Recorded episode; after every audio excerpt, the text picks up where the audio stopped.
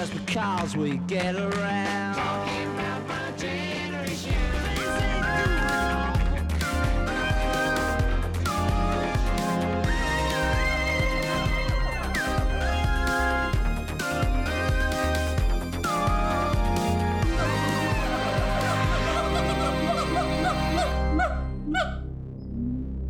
I det här avsnittet av Apans anatomi ska vi prata om eh, generationer och diskutera dagens kommande generation. Är det en ny vänstergeneration på gång eller ser vi någonting annat? Hej Erik, välkommen. Hej, hej, hej. Vi sitter här och steker skrattet. i värmen. Ja, det är 32 grader i Umeå just nu idag. Ja, Eh, Så det är väl den varmsta dagen. Och jag har varit och badat, men nu ska vi prata det här istället. Mm. Ja, vi har tittat lite på en bok av en uh, britt som heter Keir Milburn. Det är en person, jag vet inte, har du träffat honom Erik? Nej, men jag har ju liksom läst mycket av det gänget han tillhör, eller vad man ska säga. Ja. Det är som eh, folk som är liksom i systerkretsar till oss, Ja. kan man väl säga, i Storbritannien som han tillhör. Ja, de har en organisation som heter Plan C som är, man kan säga det är brittiska allt åt alla. Och Keir, han har skrivit en bok nu som heter Generation Left eh, som kom nyligen. Var det på Verso? Nej, det är ett annat förlag den ligger på. Polity heter förlaget. Ja, talas Polity. ligger det på. De har en serie nu som är aktuella politiska frågeställningar och då har han skrivit en bok som heter Generation Left om generationer som är, ja, var väldigt uppfriskande att läsa. Med tanke på att vi har ju haft eh, EU-val för ett tag sedan och vi har liksom som en ny våg av ungdomsprotester med de här eh, klimatstrejkerna kring bland annat Greta Thunberg så kunde det vara intressant att ta sig an generationsfrågan. Mm. Vi kanske ska börja med då, liksom, vad, vad är en generation? Ja, alltså jag, jag tycker att det här är ett lite så här eh, småbesvärligt, att det är ett småbesvärligt begrepp. Jag är typiskt så där att jag fastnar för sådana här cykelteorier, alltså all, all typ av teori där man så här periodiserar saker och ger det begrepp. Eh, Det gillar jag. Och sen har jag Mm. perioder där jag så här tycker att det på något sätt blir sin egen fiende. Att man liksom börjar försöka passa in verkligheten och sortera bort delar som inte passar med den här idén om en viss cykel och när den börjar och när den slutar. Och generationer är ju en sån grej lite, att det liksom Mm. är så här personer födda mellan år X och Y är den här generationen. Liksom. Man pratar ju ofta, i Sverige pratar vi mycket om 40-talister. I USA Mm. så har man ett begrepp som heter baby boomers som eh, väl egentligen motsvarar samma grupp. Alltså, det var ekonomisk kris på 1920-talet och sen kom andra världskriget. Före den ekonomiska krisen så hade man första världskriget. Så eh, liksom när den här eh, efterkrigsperioden kom där efter andra världskrigets slut så fick man den här stora babyboomen som egentligen pågick fram till, till att p-pillret infördes och det skedde ganska samfällt i stora delar av västvärlden i slutet av Mitten av 70-talet. 60-talet. Är det så tidigt till och med? Ja, det var Ja. runt 1965-66 där. Jag tror Ja, okej. Jag Kommer. trodde det var lite senare. Men ja, skitsamma. Det är, den generationen efterkrigsbarnen är ju det som man kallar för baby boomers i Mm. USA. Och det är ofta kring den generationen som generationsteori på allvar började produceras. Man började prata om- mycket i populärkulturen om, om det här som en distinkt generation som Ja. hade liksom sammankopplade intressen och beteenden och så vidare utifrån sin relation till de äldre då. De äldre har alltid gnällt på de unga kommande generationer, ungdomarna, och tycker att de har varit dekadenta och inte levt upp till de äldres eh, ideal så att säga, så är ju hela det här kring ungdomsforskning och generationsforskning rätt nytt. En Mm. av de så centrala verken som heter The Problem of Generations som kom på 1923 Det var Carl Mannheim som skrev och Keir Milburn han refererar en hel del till, eh, till Mannheims teori. För att ja, idag när vi diskuterar, eh, eller man kan se på högersidor idag, liksom på eh, borgerliga ledarsidor så har ju demografi blivit väldigt populärt just igen. Mm.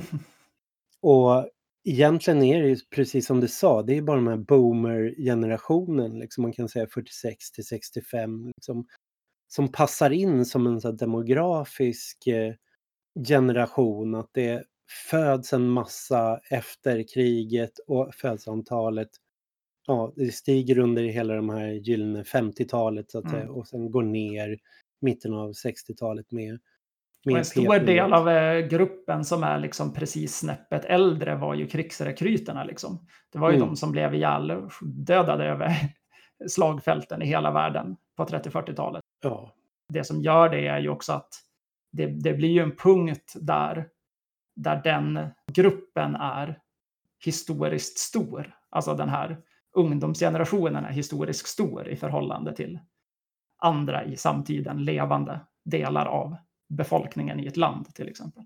mm. Vilket ju skiljer sig mycket från idag då vi är i en period där det föds mycket barn men vi samtidigt har en jättestor mängd gamla människor till exempel. Mm. Man brukar säga att en generation sträcker sig över en 20-årsperiod och då man tänker sig Mm. efter 20 år så föds en ny generation. Men, men barn föds ju inte på det sättet. Det föds ju inte i klumpar förutom boomers då. Så att det, barn föds ju hela tiden. Så att det är ju mer andra saker man får säga, liksom avgränsa det här. Och några som har varit väldigt intresserade av att forska om, eller ja, forska och forska, några, eh, men eh, beskriva generationer, det är ju hela reklambranschen, för de vill hela tiden följa konsumtionsmönster och trender och liksom se liksom, vad kommer den här, de nya unga, vad är deras intressen Mm. någonstans. Men det Carl Mannheim gör i den här boken The Problem of Generations, det är att han istället för att utgå från så här, demografi utgår från en händelser, en händelseförändring. När har det skett eh, någonting som, eh, som förändrar sam- samhället i en väldigt snabb takt så att de Mm. gamla normerna och de gamla synsätten att, för samhället att se på sig själv inte riktigt hänger med längre. Och då är det också, de unga är ofta snabbare på, de kommer ut, möter de här förändringarna med ett öppnare sinne än de äldre generationerna som Mm. har mer kanske att förlora på en förändring. Ja, kanske lite så här hjärnans plasticitet faktor där också. I.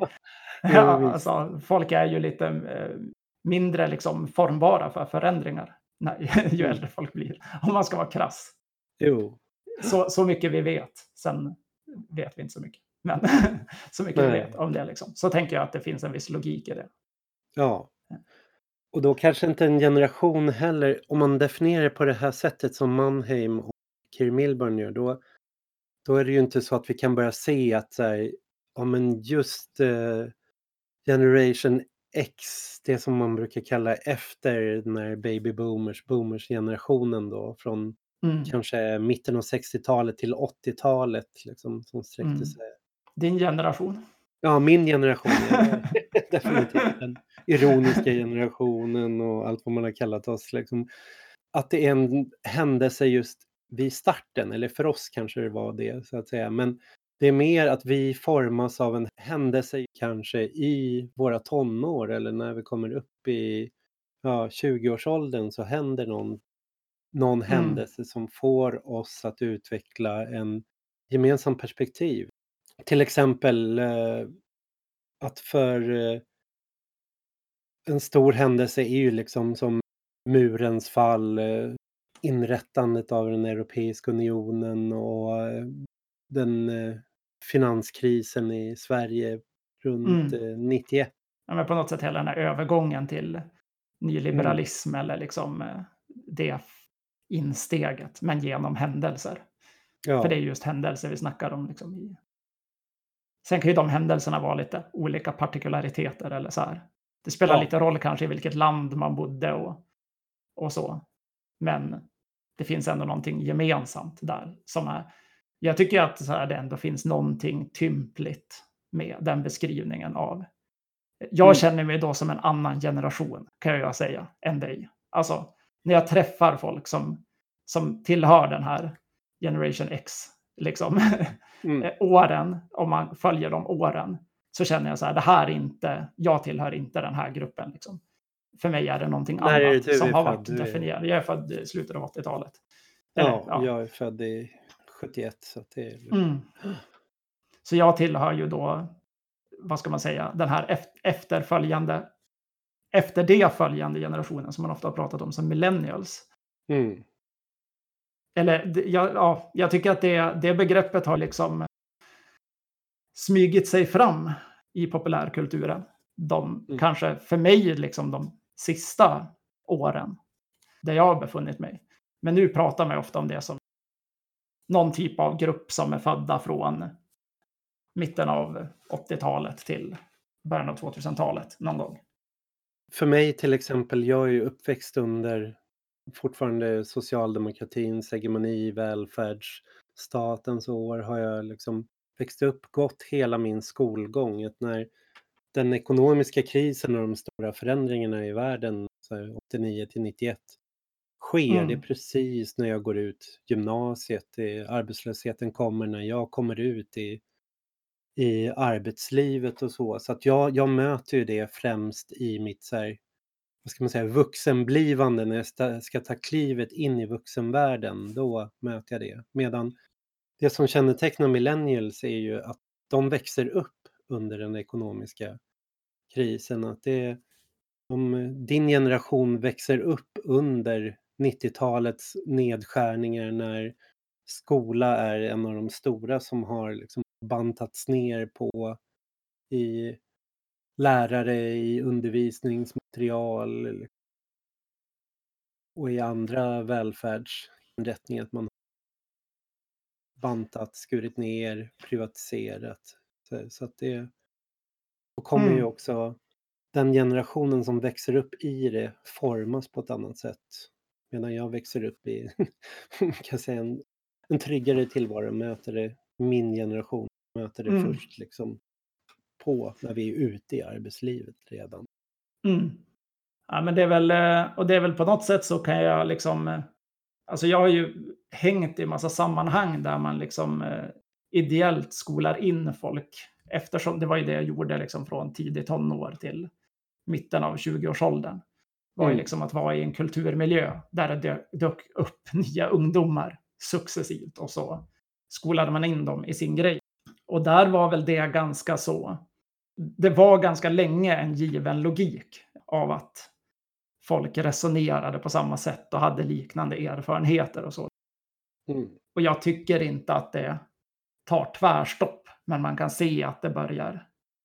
Det som på något sätt var mina förväntningar på hur saker fungerar börjar ebba ut.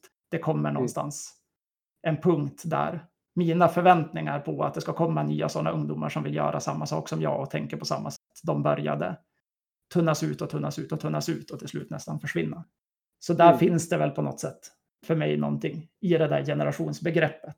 Där jag kan känna så här, ja, att det finns en generation som, även om man inte har tillhört då kanske en subkulturell miljö som jag har gjort, så, så har man haft de personerna i sin skolklass i den generationen. Alltså, om man är Mm. jämngammal med mig, då har man haft typ en punkare och en gotare eller en skinnskalle eller alltså de Mm. här subkulturella personerna av väldigt många olika subkulturer.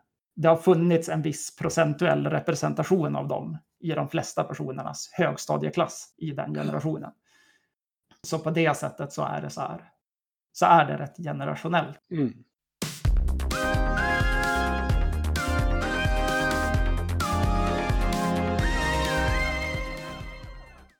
Nu har man ju pratat om eh, en generation efter millennials. Min generation kallas generation X och din eh, millennials eller generation Y. Jag pratar om Mm. generation Z liksom, som eh, från 01 och framåt till idag, de som har fötts andra sidan millenniet. Mm. Och det är ju den generation också som har, man har pratat om snöflingor. Och redan den här generation Y anklagades ju för curlad generation. Precis på samma sätt liksom, som tidigare. Liksom.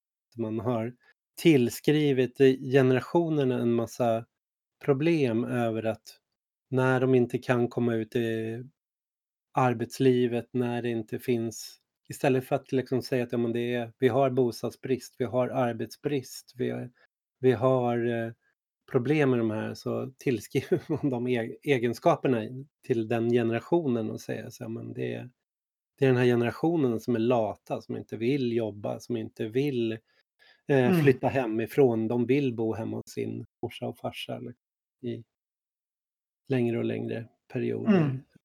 Jo, jag tycker jag stöter på det där mycket liksom i jobb och sånt. Alltså den typen av diskussioner kring så här. Jag jobbar ju i utbildning, vu- vuxen del. Mm. Där är det ju på något sätt alltid en pågående diskussion om så här. Hur beter sig de här kullarna? Eh, där kanske framför allt har jag upplevt har varit en diskussion om om förväntningarna på utbildning som som någonting som man som kund köper och ska bli servad, typ. Vilket då kanske din generation, som är de som i huvudsak är lärare och så vidare, tycker Mm. krockar med deras syn på, på utbildning. Och då, då är det ofta en sån här eh, snöflingeaktig diskussion. Om, alltså, man Mm. använder inte det begreppet, men man pratar på det sättet. Ibland hör jag den diskussionen. Att, att det liksom är så här, ja, folk förväntar sig bara bli serverade det de ska ha. Men, men som du säger, det har ju på något sätt alltid varit. Alla generationer verkar tycka så om den tidigare generationen. Jo, och det är väl också alltid enklare då för att erkänna att de fel man själv har byggt in i systemet är liksom drabbar de kommande och istället tillskriva de kommande. Jo, nej, jag tänker att mi- mina föräldrar eller deras generation liksom hade väl samma syn på min generation. Att Mm. eller så här, själv så upplevde man väl framförallt en bit in på 2000-talet att det fanns en hänsynslöshet i den generationen inför, eller eh, en brist på förståelse inför det kognitiva arbete, det på något sätt social skillsen man Mm. behövde för att fungera på arbetsmarknaden. Så ofta så hade den generationen kunnat eh, dodga det i vissa. Alltså man kunde vara typ en sjukt oserviceinriktad person och ha jobbat hela sitt yrkesliv i ett väldigt serviceinriktat yrke, alltså på pappret liksom. Mm. Men sen liksom med internet och så vidare och hela den trycket av hur mycket bollar man ska klara av att hålla i luften. Det tycker jag på något sätt de inte kunde se när det började komma, utan Mm. de tyckte bara att då min generation var besvärliga som gnällde över saker. Ja, men det som Keir Milburn gör i den här boken Generation Left då, det är att eh, inte bara att han tar Karl Mannheims teori då och försöker förstå då vad är det för händelser som har format de här generationerna. För Mm. bara en sån teori kring händelser, det kan ju vara intressant att titta på men frågan är om man bara ska nöja sig med den. Utan han, han tittar ju då också på att det ja, men dels kan finnas två former av händelser. Passiva händelser, alltså saker man utsätts för. Ekonomiska kriser eller geopolitiska händelser som östblockets fall. Och, men Mm. också aktiva händelser, händelser där man möter en ny situation och där en ny ungdomsgeneration går ut och agerar och liksom genom eh, politiska manifestationer, genom en förändrad eller genom en, eh, vad ska man säga, olika aktiviteter aktivt är med också och skapar ett nytt uttryck som inte har, har funnits innan. Mm. Just det där att se händelserna och det här liksom det politiska, det man aktivt är själv med och formar.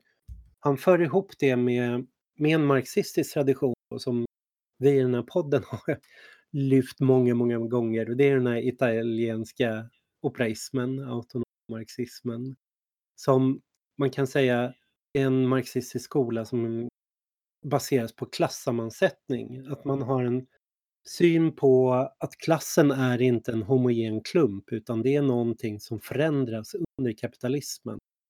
Och det förändras mm. både genom att kapitalismen ändrar på klassens sammansättning genom att förändra teknik, arbetsorganisering, hur, hur produktionen är utformad. Men också politiskt genom att arbetarklassen lär sig hitta nya sätt att övervinna de där uppdelningarna och formera sig på nytt och sammansätta sig till... Och med sammansättning så menar vi vem som gör var, när, hur och så vidare. Mm. Så det är liksom en väldigt eh, aktiv klassteori och att det är, men som inte är, blir bara idealistisk, att det handlar om så här vilja och åsikt, utan nu ser verkligen så här, när materiella förutsättningarna förändras, när produktionen förändras, då, då uppkommer också nya former av subjektivitet och de där subjektiviteterna, det är inte givet heller vilken väg de ska ta, utan de kan agera på det här och ta sig en viss riktning.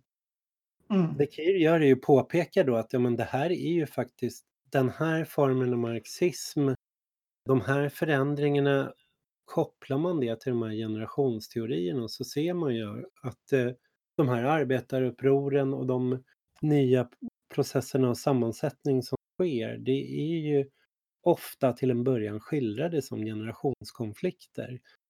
Och att generationsförändringar, och det är där, fast det är liksom på samma sätt klassuttryck.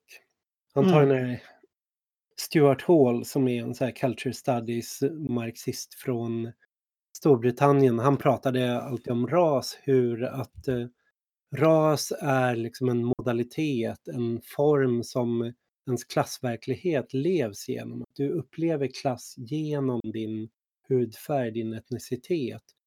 Och Keir säger på samma sak så är ålder det sätt som din klass, eh, materiella klassposition någonstans levs genom hur du möter världen, att du möter världen olika då som, som eh, olika generationer arbetare.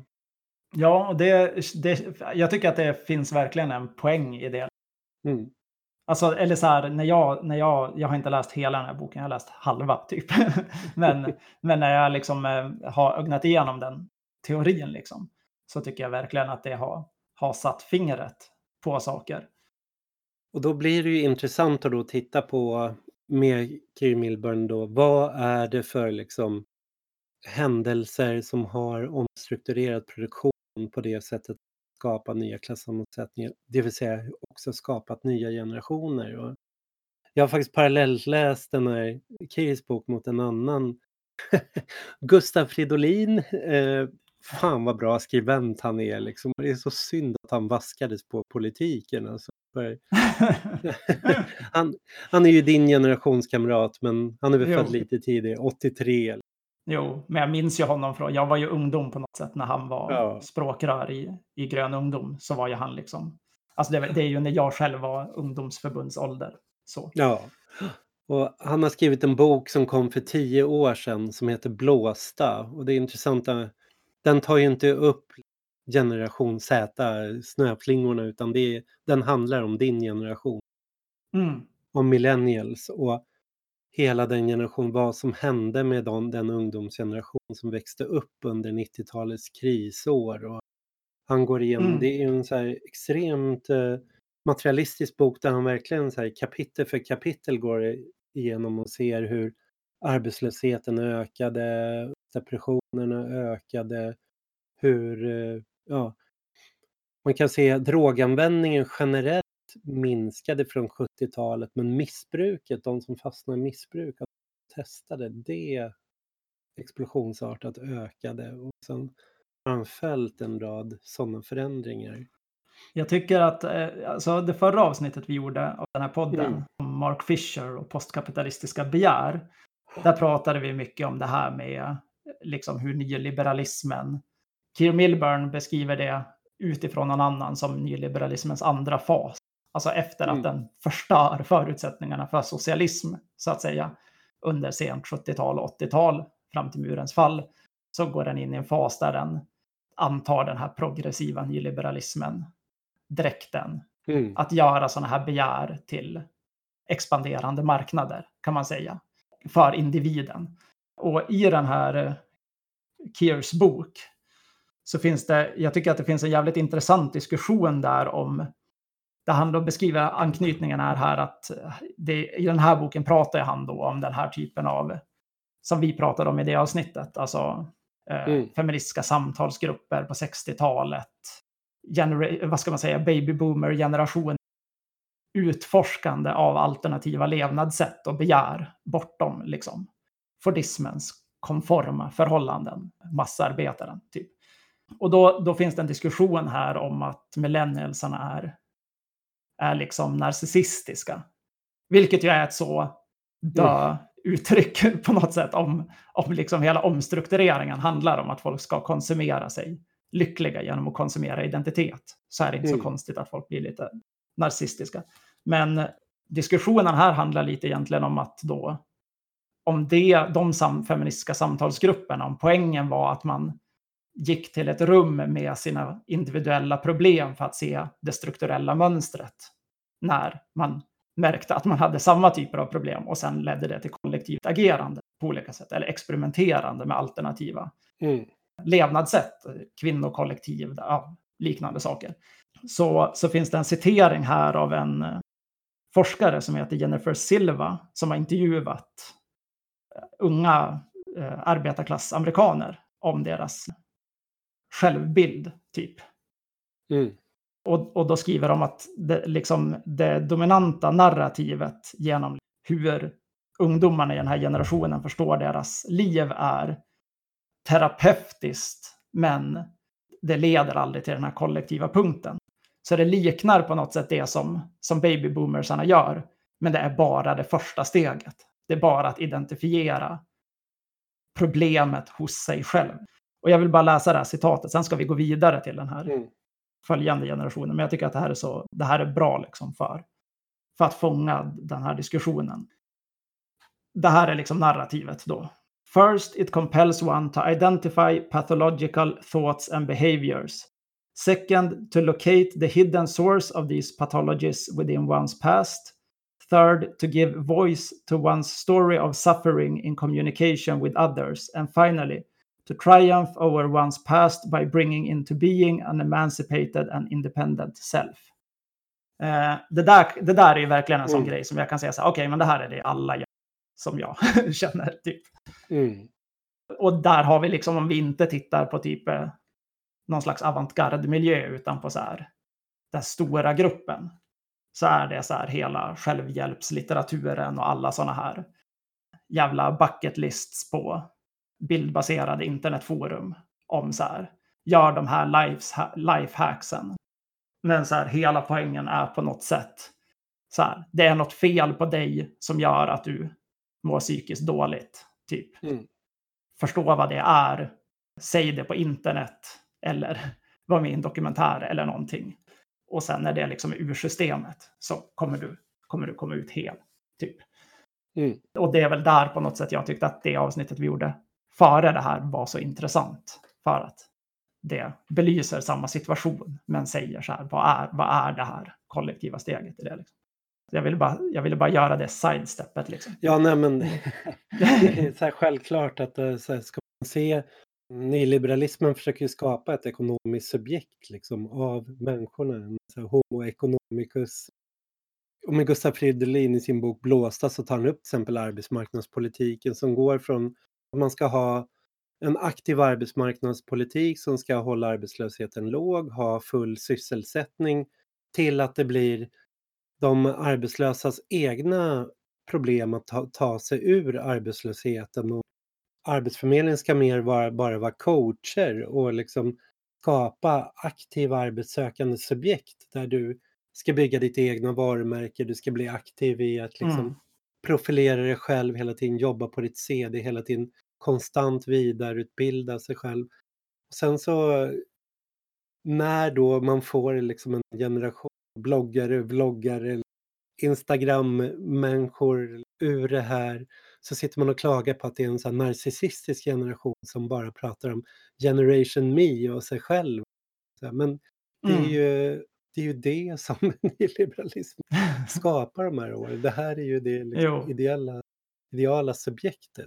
Jo, det, om man ska titta till då sådana breda erfarenheter så tänker jag att så här, en stor del av liksom common people i min generation har ju gjort hela den här resan att vara inskriven på Arbetsförmedlingen och gå igenom eh, jobbcoachprogram eller sådana här idiotutbildningar om liksom hur man ska skriva CV och jada jada. Det är vår, om du blev vuxen precis kring murens fall och det här, så, så blev jag vuxen när det, när den övergången blev väldigt tydlig precis i tiden, när jag blev vuxen. Att det fanns ett före som var på något sätt man, man kunde stämpla och man kunde gå till socialen utan motprestationer och lite sådana här grejer. Liksom. Eh, Mm. man sjukpensionerade massa folk. Så är det precis i perioden där jag blev vuxen som, som det vänder och allt det här kommer. Och det finns folk som är många år yngre än mig som delar hela den erfarenheten av att det är en del på något sätt av att träda ut i vuxenlivet. Att gå igenom hela den där förnedringsprocessen. Mm. Det är därför jag gillar Roland Paulsen så mycket. Just det. Jo, hela millennials-generationen kommer ut i sen åren Reinfeldt kommer till makten börjar jakten på Mm. de arbetslösa och att man ska komma åt bidragssnyltarna, införa de här hårda, mer repressiva liksom, politiken.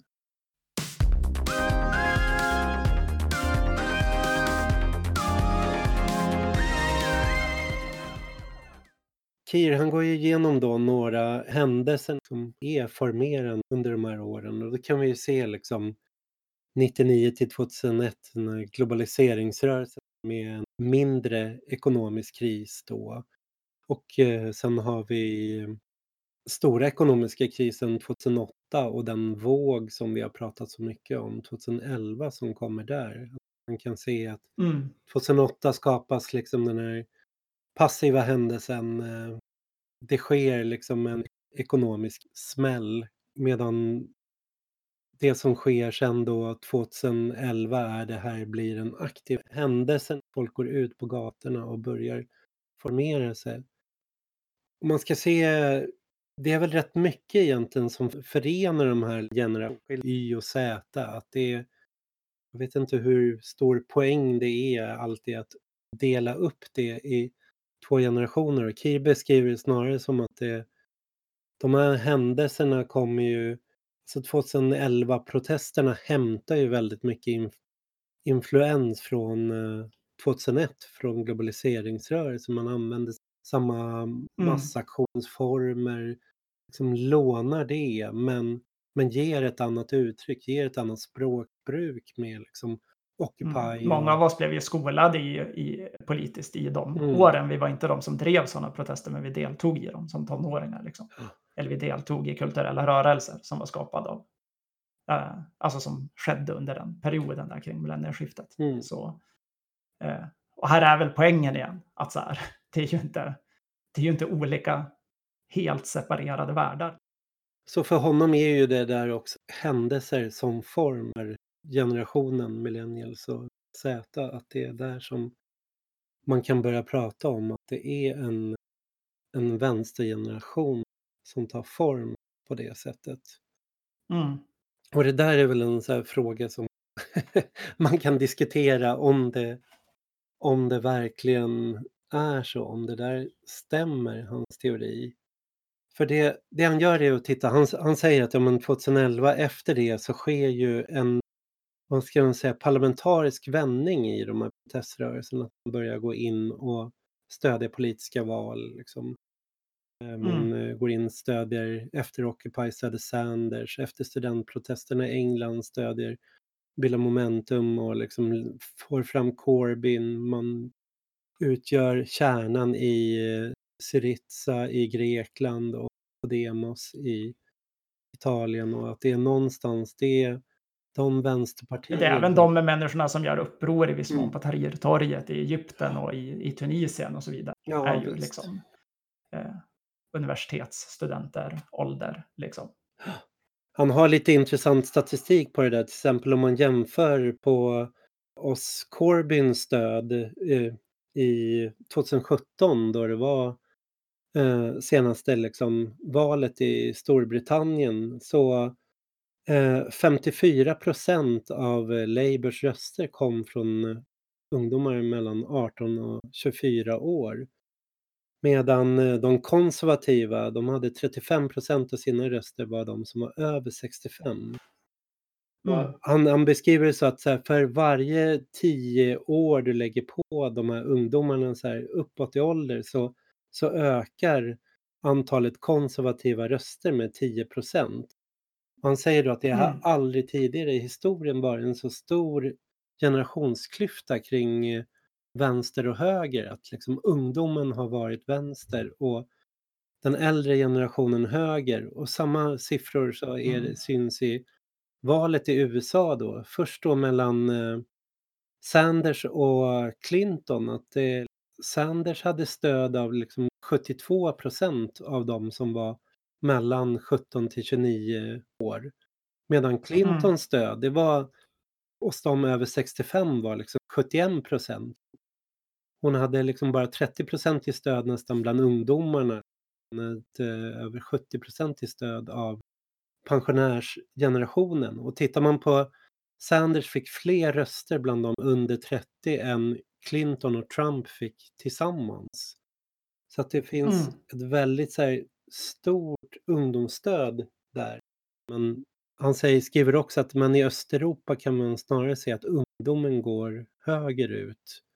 De partier, så här, Mm. lag och rättvisa som vi har pratat om i Polen och Ja, Fidesz i Ungern. ja, har liksom ett starkare ungdomsstöd. Det är väldigt intressant av olika skäl, alltså den uppdelningen mellan öst-väst och på något sätt Mm. hur processerna sker över tid. Alltså just det där med att det blir det här med klass och generation och sånt. Att den uppdelningen mellan öst och väst gör det ju lite tydligt att det finns sådana gemensamma händelser eller erfarenheter som blir väldigt betydande för Mm. och när de sker på något sätt för åt vilket håll saker drar. Jag tänker att, att lite så att de tar ju upp i de där undersökningarna, det finns ju mycket sådana undersökningar i USA om hur folk ställer sig till begrepp som socialism eller om de är för socialism eller kapitalism eller liknande. Mm. Där det har liksom blivit superpoppis bland den yngsta gruppen, yngsta väljargruppen, vad det nu är, 18 till 25 eller något liknande, med socialism som idé. Liksom. Mm. Och det är ju, en sån grej är ju ganska lätt att förstå med den ekonomiska krisen och hur den har tagit sig uttryck och har brutit hela kontraktet för den generationen i USA. Alltså dyr utbildning som inte säkert leder någonstans, eh, bostadskarriärer som inte går att göra för att allt fast kapital hålls av en äldre generation. Mm. Eh, Där gör ju Keir en väldigt stor poäng då att se om man ska förklara materialist eller så här, vad är skillnaden mellan hur unga och äldre röstar? Och då ser jag att den boomer-generationen så att säga som kom ut på arbetsmarknaden, eh, de kom ut så att de fick ett, fortfarande ett bra pensionssystem och det var fortfarande möjligt att liksom köpa sina, köpa fastigheter och eh, betala av lånen på det. Det var ju inte ens i Sverige, jag menar för, för 40-talister och så vidare, så Mm. var ju ofta det en ren fråga om att orka sitta med sovsäck i ett rum och stå i kö en viss tid för att, för att få ett hus. Alltså strukturen på något sätt på upplägget. Mm. Att få huset som staten byggde, typ. Men pengamässigt så var ju risken i efterhand extremt låg. Mm.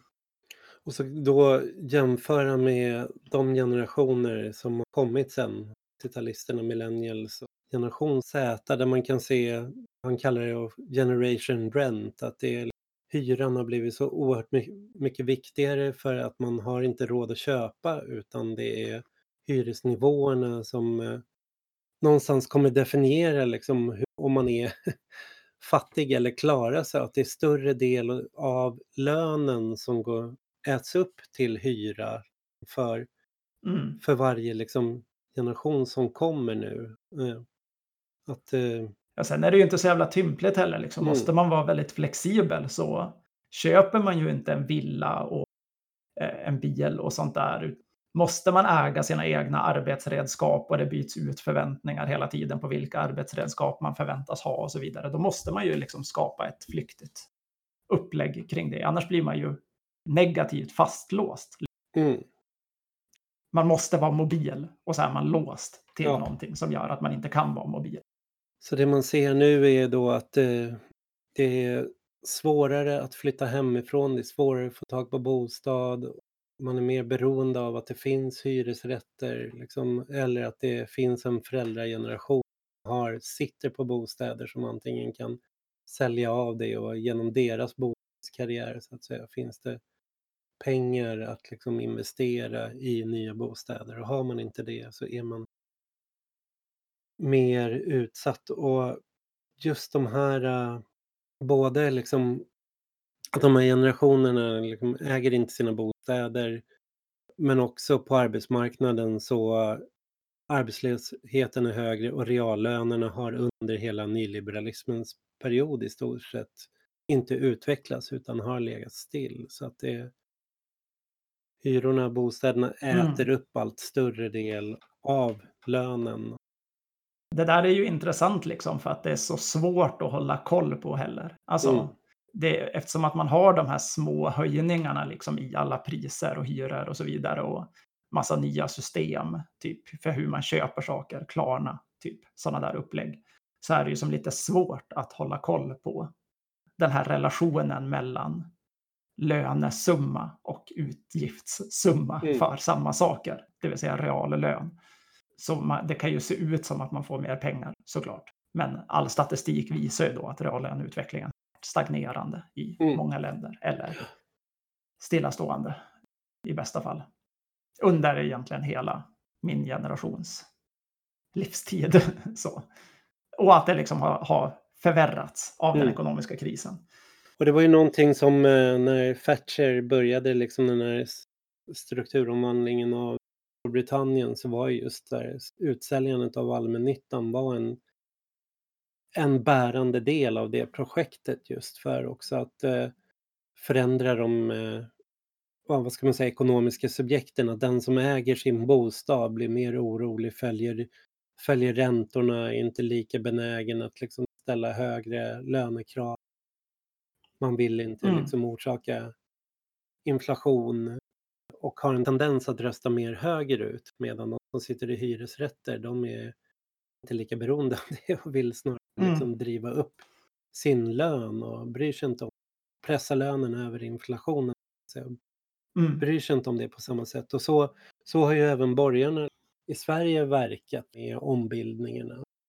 Genom ombildningarna, genom utförsäljningarna, både att man kan få loss ekonomi för att pressa ner liksom kommunalskatterna, liksom använda de eh, pengar man får in genom att sä- sälja av allmännyttan. Men framförallt att de som sen äger sina bostäder, eller rättare sagt de som är skuldsatta till bankerna, också har en tendens att rösta höger. Så att, eh, så att det ska Mm. man bryta upp och förändra liksom det här med en bas så måste man gå på bostadsägandet.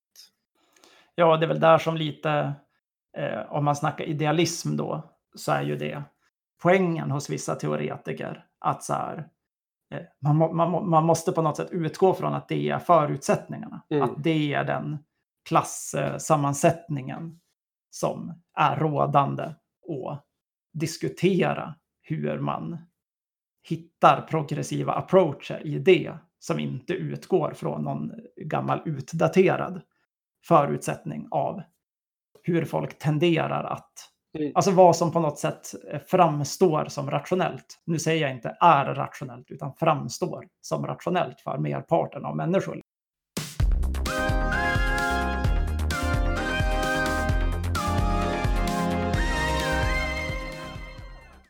Så Kir i den här boken Generation Left han ser väldigt positivt på ett sätt på framtiden att den här unga generationen som kommer är vänster, de röstar vänster.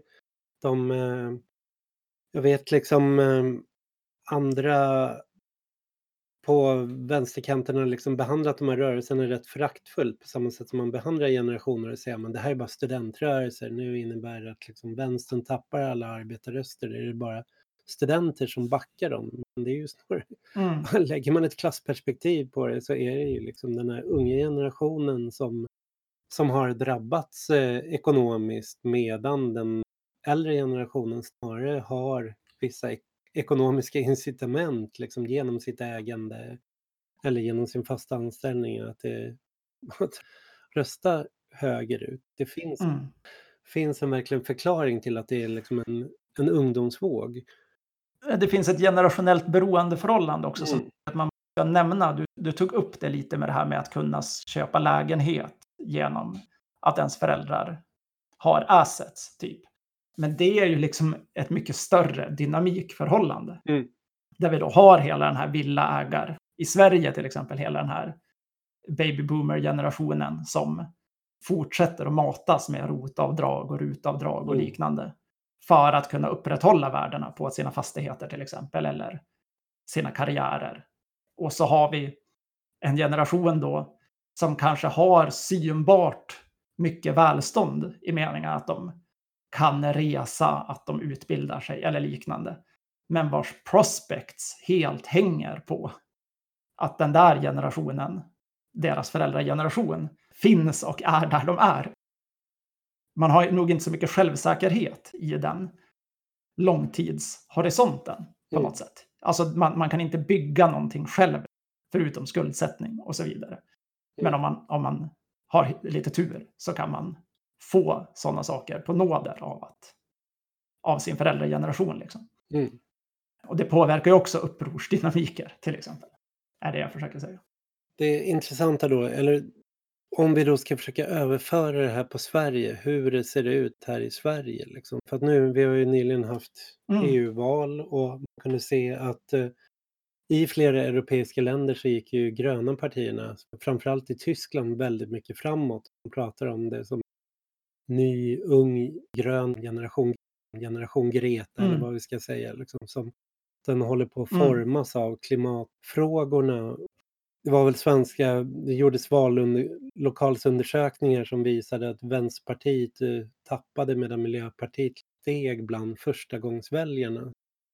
Mm. Men på, eh, jag har försökt kika lite på EU-valstatistik, att så här, läsa lite och då är det ju så här, snarare om man tittar på de, det finns, eh, Sveriges Television har ju så här, sin valanalys liksom vid, vid de olika valen så- så ser det ju snarare ut som att eh, det sker en förskjutning i Sverige att eh, högerblocket växer och vänsterblocket eh, minskar. Och den förändring, den stora skiktningen man kan se, det, det finns både en generationsskiktning men än mer en eh, könsuppdelning så att Mm. säga. Att eh, Miljöpartiet och Liberalerna och Feministiskt initiativ är de som har backar nu sen, sen förra valet och Sverigedemokraterna, Centerpartiet och Moderaterna går, går framåt. Mm. Men de som verkligen har växt bland ungdomar det är till exempel eh, Centerpartiet som eh, för tio år sedan var nere på 3 bland de som var förstagångsväljare. Nu är uppe bland 16 procent och Moderaterna växer där. Sverigedemokraterna växer rätt måttligt medan Vänsterpartiet backar, Socialdemokraterna backar och även Miljöpartiet backar. Om man Mm. trodde skulle liksom växa om det skulle ligga i linje med Keers eh, tendens. Om man går upp till de här som är mellan 22 och 30 år. Den här statistiken följer ju inte generationer utan det är bara ser på vad folk Nej, röstar exakt. i olika åldrar i ens liv. Då är det ju liksom 22 till 30-åringarna som har varit de som eh, stödde Feministiskt initiativ i förra valet. Det var deras stora stödgrupp, den åldern, tillsammans med Mm. de yngre. Och där har det liksom verkligen rasat. De har lämnat Feministiskt initiativ. Men där Mm. ökar Vänsterparti-rösterna och Socialdemokraterna ligger stabilt och Miljöpartiet tappar några, men Centerpartiet väx- växer också. Om man går upp eh, ännu hö- högre i åldrarna, 31 till 54, och det är där man ser den stora skrällen för Sverigedemokraterna. Det är där de har verkligen brutit igenom i Mm. gått från 2 till 9 till 17 procent i de här väljarundersökningarna och slagit stort. Och det är samma bland pensionärerna så har de också gjort samma upp till 17 Mm. procent. Ja, du säger en så här mitt, mitt i livet generation. Så att sådana mitt i livet och pensionärerna, där går det bra för Sverigedemokraterna. Bland de yngre så är det går relativt framåt för Sverigedemokraterna. Det har ju varit deras etableringsår men det är Centerpartiet någonstans där som har, Mm. Och även högern. Men man ska nog inte fastna för mycket heller bara i, i liksom eh, valsiffror. Det finns ju, jag har tittat ganska mycket på sådana här eh, värderingsundersökningar som SOM-institutet gör till Ja. exempel. Det finns ju många sådana. Det finns ju en sån ungdomsbarometern, heter den, tror jag, som ställer sakfrågor till just en ungdomsmålgrupp, typ. Mm. Om man då ska prata om att det finns den här generationen som är definierad av rörelserna 2011, eller ekonomiska krisen. Egentligen följden av den ekonomiska krisen som kommer med några års förskjutning av själva bankkraschen. Mm. Vilket ska sägas att även, och det pratar ju Keir om i den här boken, att väldigt mycket av de här reaktionära uttrycken som finns idag är ju också generationsmässiga i viss mån Mm. uttryck för det, eller händelseknutna uttryck för det. Det vill säga, i väldigt många länder så har jättemycket resurser i statsbudgetarna lagts på att förhindra effekterna av den Mm. spridningen av den ekonomiska krisen och att helt enkelt finanssystemet skulle kollapsa där åren kring 2008. Vilket ju med en viss fördröjning då har kommit i stramare budgetering, nedskärningar, utebliven tilldel. Det är det man kanske kan se mest i Sverige. Att jag som har följt lokalpolitik i tio år, att hoppar man, tittar jag igenom den tioårsperioden, så, så var det helt givet för sossar i Umeå att det skulle komma höjda statsbidrag till kommuner för att täcka upp vissa Mm. utgifter. Och sen uteblev de bara.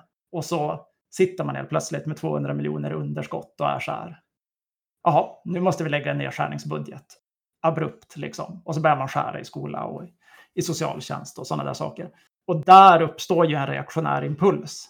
För att där framstår det ju, när de rubrikerna kommer och de upplevelserna kommer av press för de som jobbar inom offentlig sektor till exempel, om man jobbar i sjukvården Mm.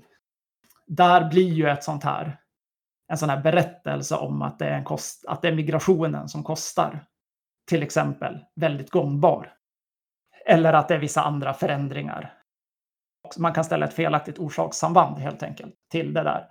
Så att man kan ju se sådana generationskopplade eller händelseutkopplade reaktionära uttryck Ja, också. definitivt. Och det, han tar upp det här med skillnaden då på aktiva och passiva händelser eller något man utsätts för eller någonting man själv är med och skapar. Att Mm. han säger att högern utsätts, alltså de är, växer mer av passiva händelser. Att när det sker en ekonomisk smäll eller någon försämring, flyktingvåg, då inträffar den här äh, rädslan att falla och då har de mer en fruktan att mobilisera kring, en oro kring att det här kommer att drabba oss, vi kommer förlora jobben. Eller framförallt, det här är någonting Hart Negri skriver mycket om, när du sitter och äger ditt hus, att det där huset ska förlora värde eller att du ska tappa det som du sitter där med ditt, med ditt lån.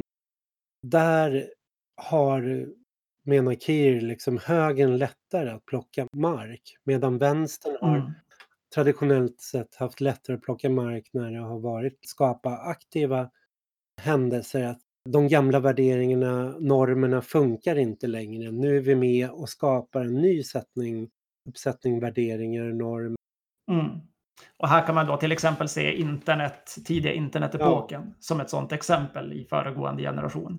Där det fanns på något sätt ett tillfälle att rulla ut någonting och undersöka någonting. Mm. Som hade daterat då massa gammal teknik och, och gjort gamla ritualer och värderingar helt obsoleta. Fanns inte längre någon sens i. Vilket var lite det jag tänkte nämna också när jag tog det här socialismbegreppet i USA. Ja. Att det är lite en effekt av en sån generation som har befunnit sig på internet och vissa sådana ritualer i USA kring socialismskräcken funkar liksom inte när Nej. folk sitter på internationella forum och babblar och är så här. Typ, det, det verkar ju skitbra i Sverige eller Norge eller Danmark på 70-talet. Typ vad fan snackar ni om? Så det där, sådana saker har ju effekter då. Eller det du nämner att det kan gå åt båda håll, passivt eller aktivt. Det här är väl ett exempel på. Liksom.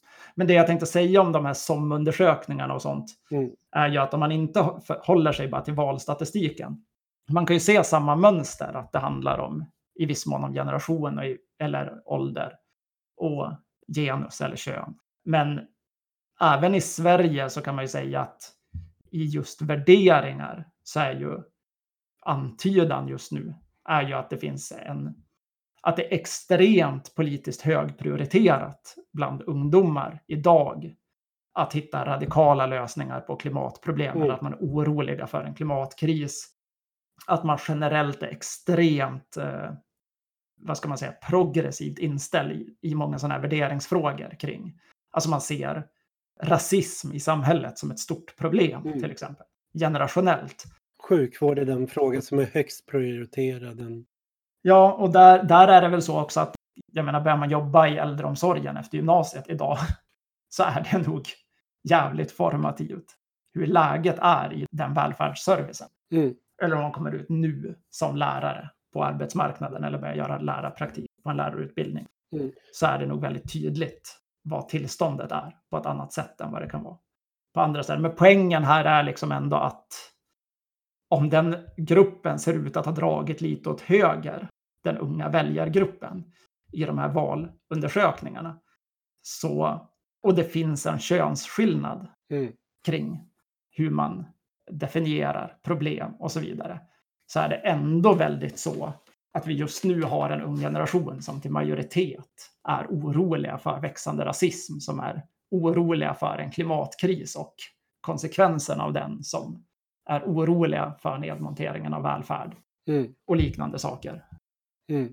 Men det kan vara så att det inte finns ett partipolitiskt landskap där någon aktör förmår då att på ett enhetligt sätt ge svar på de här frågorna eller mm. trovärdiga program, eh, identiteter som passar med massa andra upplevelser liksom, i den generationen. Jo, det är ju motstridigt, för det ser man till exempel också i den där MUCFs undersökning jag pratade om nyss, att det, sjukvård är viktigaste frågan, men samtidigt brott och straff är en av de viktigaste frågorna. Och det är mm. både för killar och tjejer, där går det ihop. Mm. Men arbete och sysselsättningsfrågor är extremt lågprioriterat, både för killar och mm. tjejer. Mm. Men där blir en, de varnar för en väldigt tydlig polarisering. Det är inom migration och jämställdhet.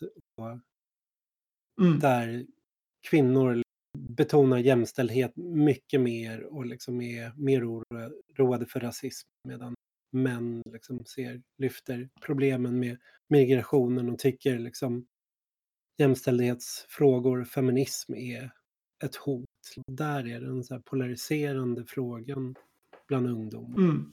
Ja, jag tycker väl att så här, alltså det är ju, det här är väl grejen redan med millennier, ju närmare tid man på något sätt är, alltså det är väldigt lätt att slentrian definiera boomers.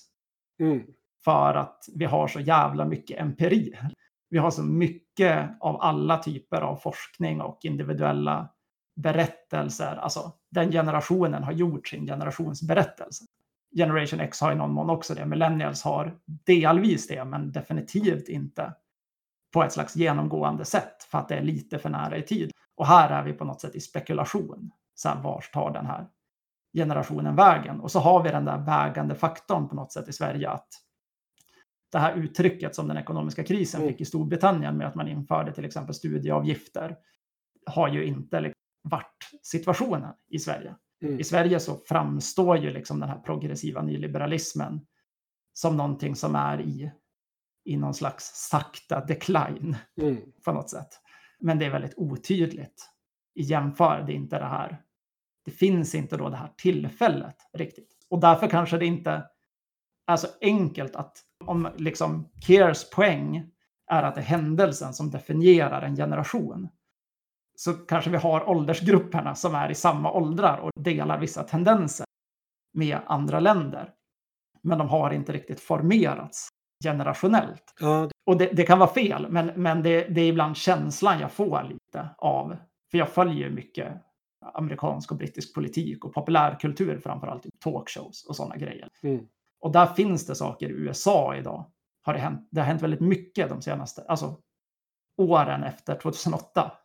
Så finns det väldigt mycket radikal ekonomikritik, till exempel i amerikansk populärkultur, som riktar sig till ungdomar och som är svår att se i Sverige.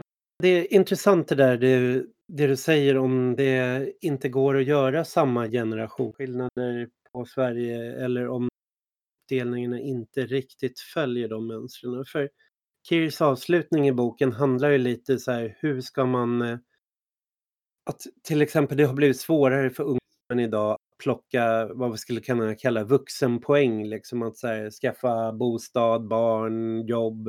Allt sånt skjuts upp i åldrarna. Men han är också intresserad då. Det är någonting man kan politiskt formera sig kring de, de frågorna. Men vi måste ju också vinna vuxenheten så att säga. Vinna de tidigare generationerna tillbaka till ett vänsterprojekt. Och då blir det också att eh, se den oro, den rädsla och den, det behov av säkerhet och rädsla för att falla som finns kring den här äh, starka privata egendom kring boendet och så. Att stärka de offentliga strukturerna eller ännu bättre liksom allmänningsstrukturer, commons, i liksom Mm. blir också det sätt som man kan kontra den osäkerheten. Att stärka allmännytta, stärka stärka gemenskapa skydd, gemensamma skyddsnät, driva frågor kanske som, jag vet inte, medborgarlön, garanterad basinkomst eller garanterade former av service. Jag tror att poängen med de där första sakerna du nämner är lite att så här, där, där ser, jag menar då att där finns lite, i, i mitt svenska perspektiv i alla fall, krocken med vilken typ av subjektivitet man har producerat under Mm. nyliberalismen.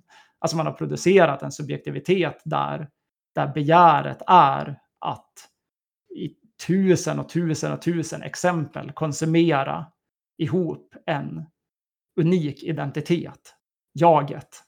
Och att bara slentrian sälja till någon slags massamhälle som sådana här begrepp som allmännytta och så vidare signalerar Mm. Till den individen är för mig ett dödsdömt politiskt projekt. För det krockar med vad den individen har blivit skolad i att vilja ha. Så där är lite den här frågan då om att tänka framåt eller att Mm. tänka bakåt. Vill man liksom upprätta det som gjorde att folk tänkte annorlunda innan? Eller tar man hänsyn till sammansättningen vi har nu och försöker ha en horisont från den? Mm. Men det finns ju också, jag tycker på ett sätt, alltså klimatfrågan är ju så oerhört brinnande och angelägen.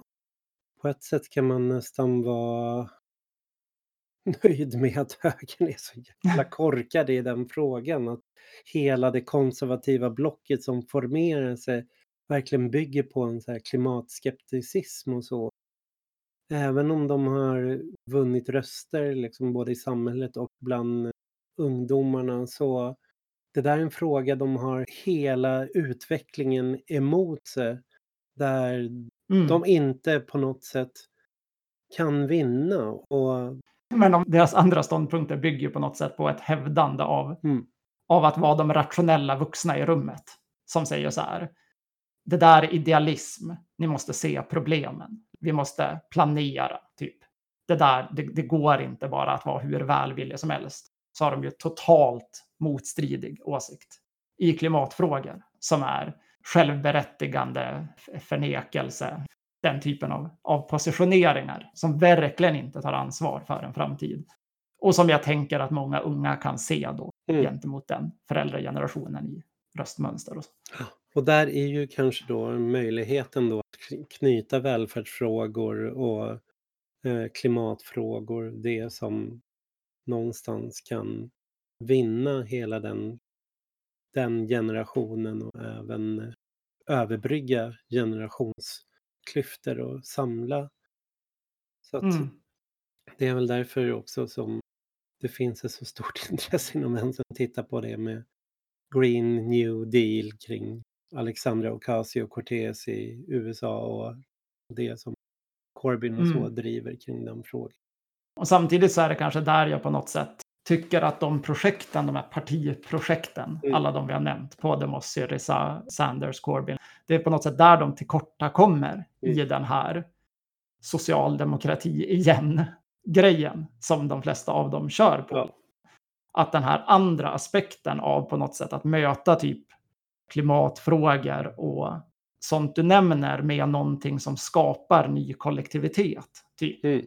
Och att hitta till exempel, vi snackade i det här förra avsnittet om, om liksom psykisk ohälsa och begär. Mm. Hur man mår dåligt av att behöva göra alla de här valen och konsumera sitt jag.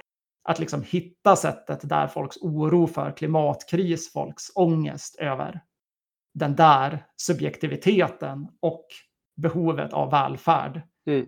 skapar kollektivitet, länkas på något sätt. Mm. Det är ju någonting helt annat än att bara säga så här, vi ska införa minimilöner och vi ska Mm. Bygga allmännytta och sånt. Ja. Men det är lite mer svårtänkt. Ja.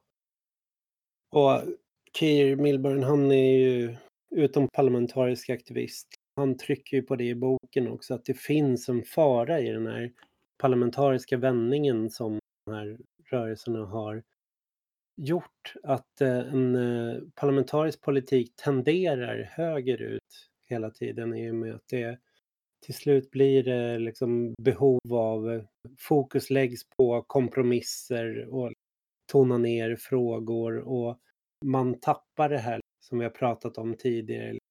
Att bygga trycket, momentum underifrån. Att eh, man lägger Mm. sitt fokus på valmobiliseringar och däremellan så lägger man locket på. Skapar inte Mm. någon så här aktiv eh, rörelsemobilisering som kanske behövs då för att skapa de här politiserade generationerna.